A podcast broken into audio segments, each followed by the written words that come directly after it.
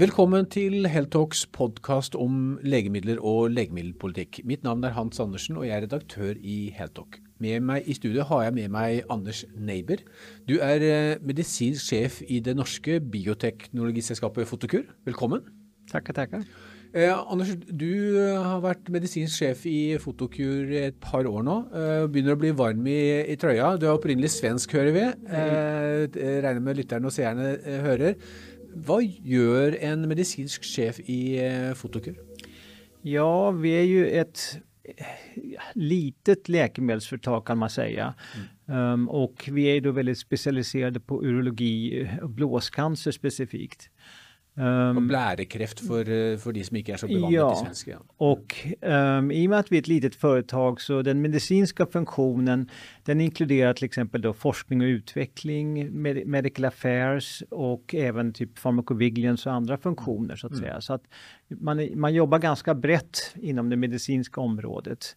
Mm. Um, ja, och så jobbar jag med, med andra funktioner som business development, marknad, finans och så vidare, andra funktioner inom företaget. Ikke sant. Photocure er jo ingen, altså produktet deres, det er Hexvix heter det i Europa, og Sysvy i eh, Amerika. Nordamerika, Nordamerika ja. i Canada og USA, Ja. hvor dere har vært noen år også. Eh, Det er jo ikke, en, det er jo ikke et legemiddel eh, sånn sett, det er en, et diagnostisk eh, produkt. Ja, jo det är en, en diagnostisk teknologi skulle jag vilja säga, för det det både en, en substans, Hexvix Sysview, och ett device som, som använder blått ljus som man måste, så det är en kombinationsbehandling eller diagnostik. Och ehm, du har rätt i med att det inte är någon direkt behandling, den är ju för att upptäcka blåscancer ehm, i första hand. Men det har i sig med sig att man kan bättre tidigare diagnos- diagnostisera, bättre klassificera och riskbedöma tumören. Ehm, och det gör ju då att man kan ha en, en förbättrad eh, strategi, uppföljning och behandlingsstrategi efteråt när man hittar tidigt och, och rätt så att säga. Mm. Det skal vi komme litt mer inn på, Anders. Ja. Men aller først, blærekreft.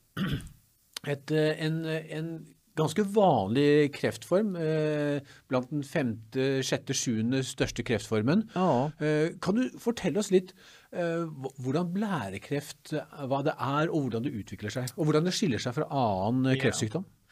Ja, det finns ju lite olika former av, av blåscancer, men den mest vanligaste eh, formen av blåscancer, jag skulle vilja säga 95% av alla blåscancer, den bildas ytligt i de ytliga cellerna av insidan av blåsan. Och ungefär två tredjedelar av den nydiagnostiserade blåscancer, den är inte bara ytlig utan den har inte penetrerat muskellagren av blåsan, så den befinner sig verkligen insidan av blåsan och kallas därmed icke muskelinvasiv blåscancer. Och det är den vanligaste formen vid diagnos. Ehm, Och det beror ju mycket på att det är ytan som exponeras mot de här toxiska substanserna, carcino- carcinogena substanserna som tobak och andra substanser som, som framkallar blåscancer.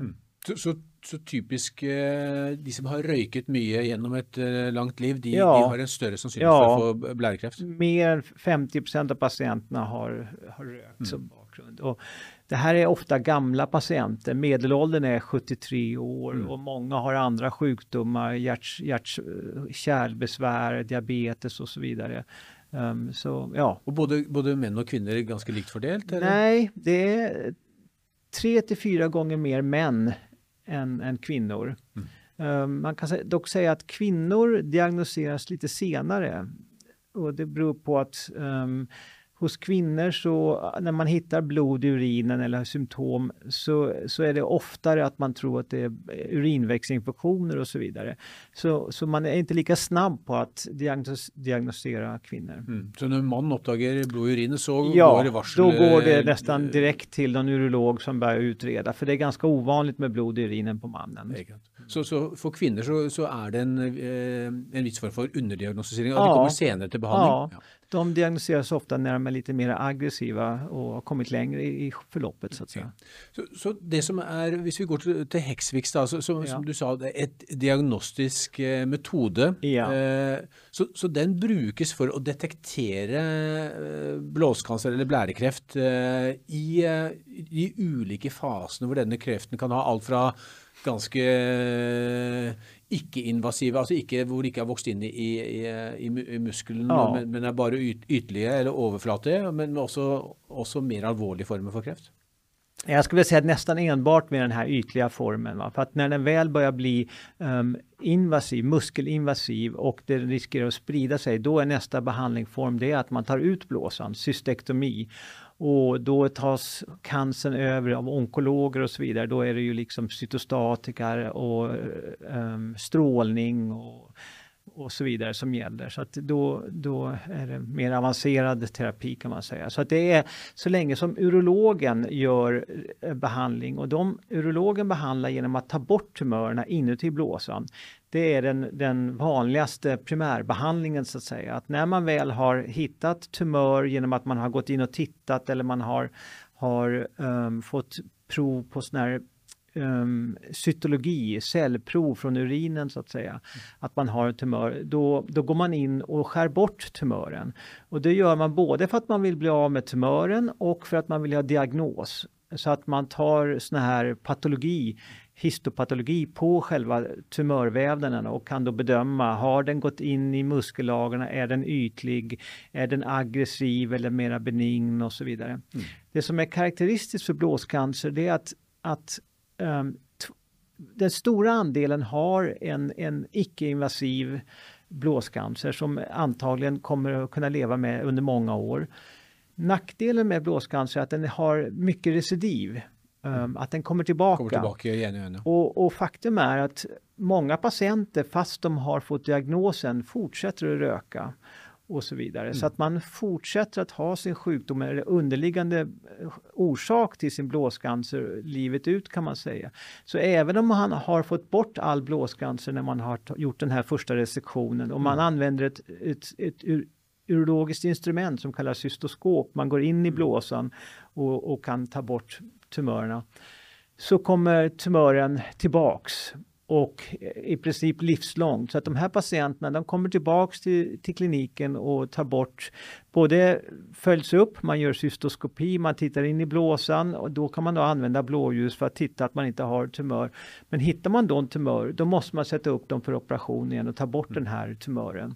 Du, du säger blåljus. Eh och det har jag förstått, det är det som bland annat gör att uh, uh, är ett gott, uh, väldigt mycket brukt diagnostisk metod. Att uh, tumören eller kräften eller, eller papillärerna de, de blir lättare uppdagbara för uh, lägen. Ja, och det är så att det här kommer ju då forskning från Radiumhospitalet här i Oslo ursprungligen. Va? Och det är att, att tumörcellerna specifikt tar upp det här eh, fotoaktiva substansen som ju då är Hexvix.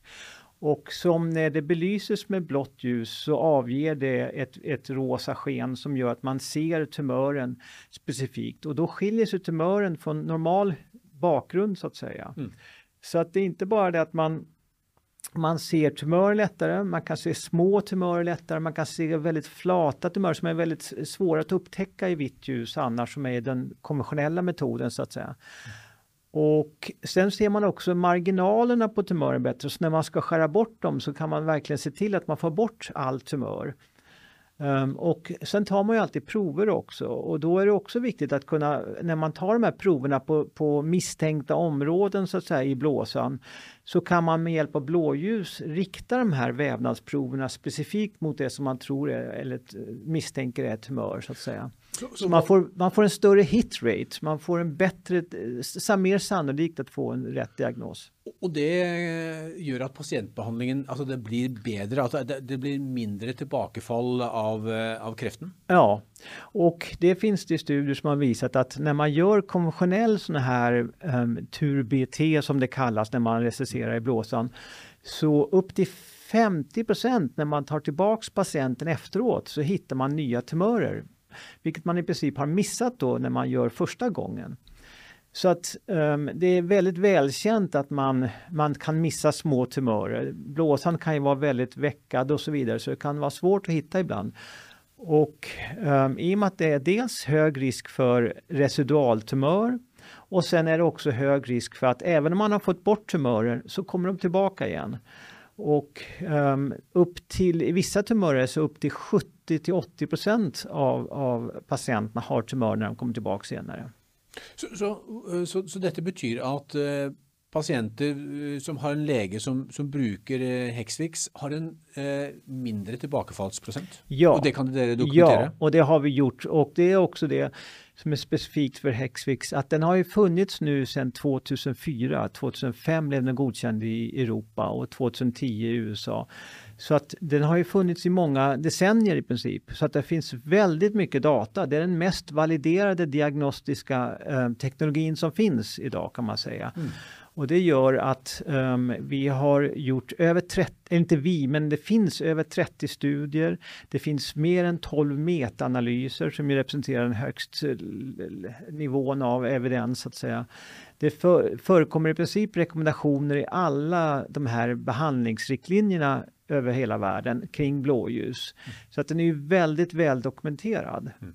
Så, så hur utbrett är, eh, är denna metoden? Alltså, hvor, hvor bruket, betyder det att, eh, att detta är en standardbehandling eh, inför urologin på de flesta, de flesta västliga land? Nej, det varierar väldigt mycket faktiskt och det har ju lite grann med eh, både riktlinjer och kostnader och systemet, eh, sjukvårdssystemet att göra. Mm. Vissa länder så är det väldigt välanvänt. Va? Mer än 60% av alla patienter får blåljus. I vissa länder används det knappt alls och det har också med att göra det här med att vi är beroende av ett instrument, det här cystoskopet, som måste vara ett specifikt cystoskop som både kan göra vitt ljus och, och, och blåljus. Och då mm. finns det egentligen bara tre um, leverantörer som har det här med um, de här instrumenten. Och de finns inte i alla länder. De har inte ansett det vara lönsamt att gå in i alla länder. Så att det finns länder som Spanien där nästan inga sådana här cystoskopier gör med blått ljus idag. Så det, det håller er tillbaka från ja. att penetrera ja. marknaden för att säga det ja. som en del städer? Vi är beroende av. Men så, så, har det gått in i USA och Kanada och, och, och det har varit en, en, eh, det har fungerat? Ja, jag skulle säga att de länder där man följer riktlinjerna um, till hög ja, nivå, där har vi också penetrerat bättre för att vi har ju väldigt starka uh, rekommendationer i riktlinjer som baserar sig på den här level one evidence så att säga. Mm. Och, och, och ja, det gör att, att det anses vara best practice i många länder. Mm. Så detta är egentligen precisionsdiagnostik kan vi kalla det. Ja. ja. Eh, och vi, vi, har, vi hör ju titt och stadigt om precisionsmedicin. Ja. Alltså, eh, blärekreft är ju en, en vanskelig kreft att behandla också. Hur ja. samspelar eh, Hexviks diagnostika med, med behandlingen, vill du säga? Ja. Jo, nej men det, det, är rätt som du säger att det, det händer en hel del nu inom cancerområdet och immunologiområdet och så vidare. Så att det har kommit en, en hel rad med nya potenta behandlingar, immunologiska behandlingar och genterapier och så vidare. Um, och då har även det här med precisionsdiagnostik blivit viktigare. Att man identifierar rätt patient för rätt behandling. Mm.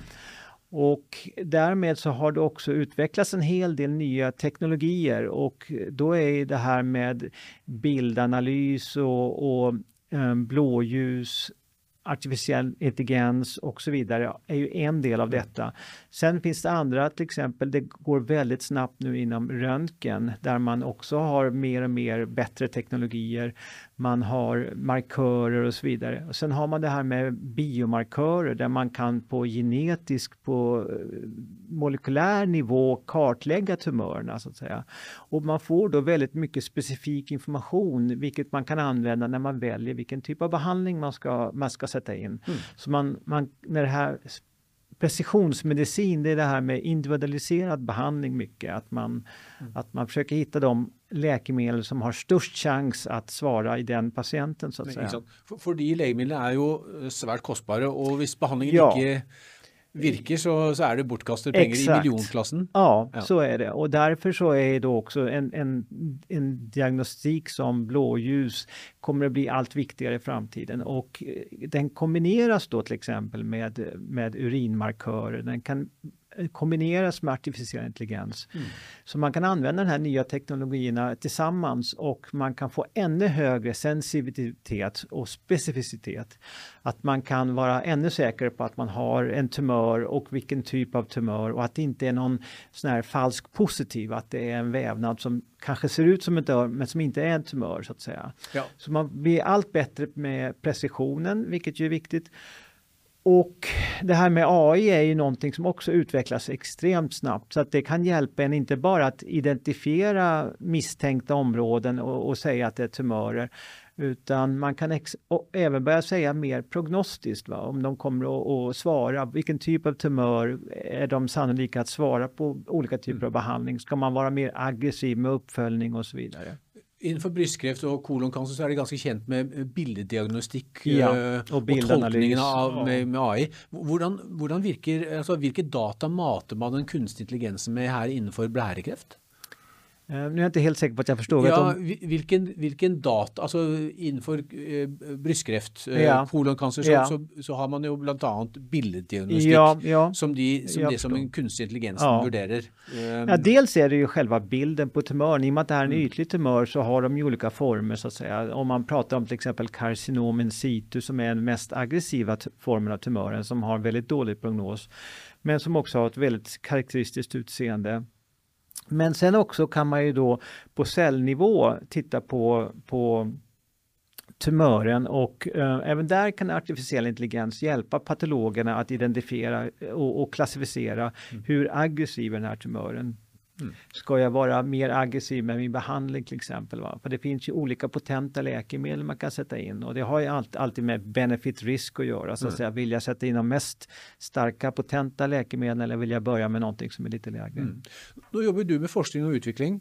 Hvordan, eh, primärt, hvordan, uh, hvordan samarbeider dere med forskningsinstitutioner och sjukhus uh, för att förbättra teknologin? Ja, vi jobbar väldigt mycket tillsammans med externa institutioner och experter och så vidare. Vi är ett litet företag så vi har ju väldigt liten kapacitet kan man säga internt att göra forskning. Mm. Så att i princip så gör vi det genom samarbeten. Vi sponsrar vissa studier, um, vi, vi sponsrar forskning och så vidare. Vi sponsrar register till exempel och vi jobbar, vi har ett stort um, register i USA men vi har även samarbeten med institutioner i Norden och så vidare där vi har eh, registerstudier som pågår och där vi då till exempel utvärderar, validerar um, hur fungerar blåljus tillsammans med biomarkörer eh, med annan typ av behandling och så vidare.